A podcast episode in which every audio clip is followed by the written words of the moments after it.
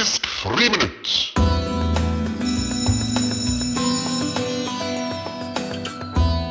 Etter det Bohem Radio har fått opplyst, har KrF, partiet med det lille kalde hjertet, bedt foreldrene til alle sine stortingsrepresentanter om å sjekke gutterom etter spor som tyder på at stortingsrepresentantene kan ha sin folkeregistrerte adresse der.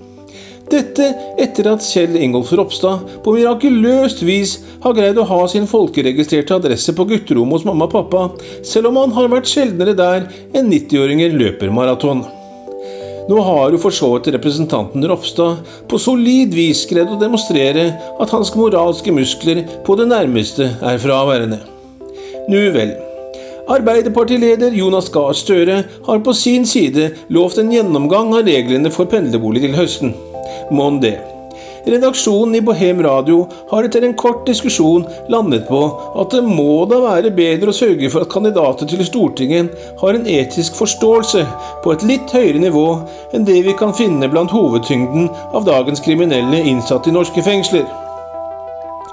Dette har kommet til de innsatte i norske fengsler for øre, og de har kommet med en felles uttalelse. De kunne aldri beveget seg nede på Kjell Ingolf Ropstad sitt nivå.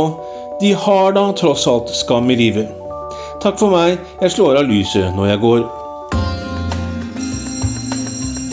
Politisk friminutt.